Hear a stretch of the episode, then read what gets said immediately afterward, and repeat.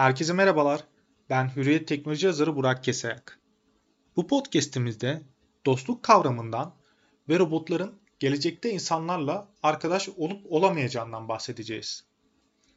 Dostluk kavramının tarihine baktığımızda Yunan filozof Aristoteles gerçek dostluğu karşılıklı iyi niyet, hayranlık ve paylaşılan değerler üzerine kurulu görüyor. Aristoteles'in kriterlerini karşılayabilecek bir robot inşa etmek önemli bir teknik zorluk olarak karşımıza çıkıyor.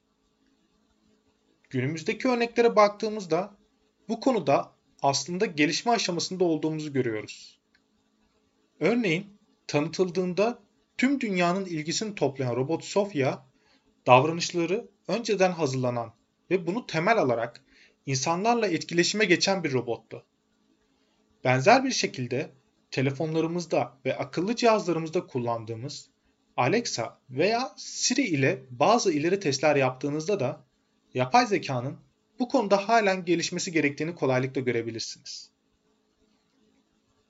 Bununla birlikte robot etiği alanında robotlarla herhangi bir dostluk biçimi geliştirip geliştiremeyeceğimiz konusunda halen düşünce birliğine varılabilmiş değil.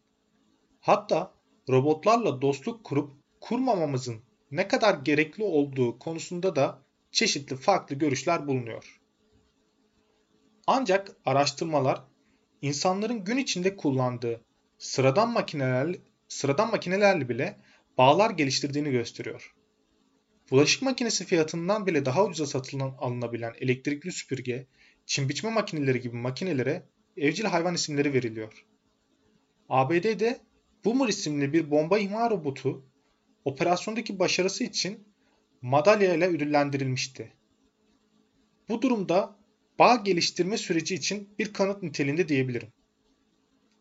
Ancak akrabalarımızla, arkadaşlarımızla veya sevgilimizle ilişkimizi düşündüğümüzde Aristoteles'in tanımlamasına göre robotlar bu ilişkinin çok gerisinde kalacak.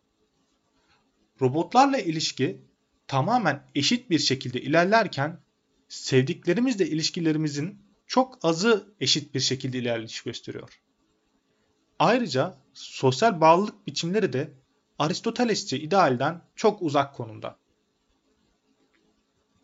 Sosyal etkileşimin kendi başına ödüllendirici olduğunu ve bizlerin güçlü bir şekilde işte ihtiyaç duyduğu bir şey olduğunu biliyoruz. Robotlarla kurulan ilişkilerin şu anda diğer insanlar tarafından sağlanan fiziksel rahatlık, duygusal destek ve keyifli sosyal alışverişler gibi dürtüleri gidermeye yardımcı olması muhtemel görünüyor. Tony Prescott'un yazarlığını yaptığı ve iScience'da yayınlanan İnsan-Robot ilişkilerinin yararları ve riskleri isimli makale bu konuda detaylı bir araştırma içeriyor. Araştırmaya göre fiziksel ve duygusal rahatlık doğrudan sosyal etkileşim, başkalarıyla sosyal etkileşim ve davranış modellemesi sosyal robotların olumlu etkileri arasında yer alıyor. Örneğin bakım amaçlı geliştiren sosyal robotlar uzun vadeli ilişkilerde insanların en önemli yardımcısı haline geliyor. Özetle yapay zeka ne kadar ilerlerse ilerlesin büyük ihtimalle Aristoteles'in tanımladığı dostluğu robotlarla kuramayacağız. Ancak bu durumu sosyal robotların hayatımıza küçük bir anlam katacağı yönünde yorumlamak da yanlış olur.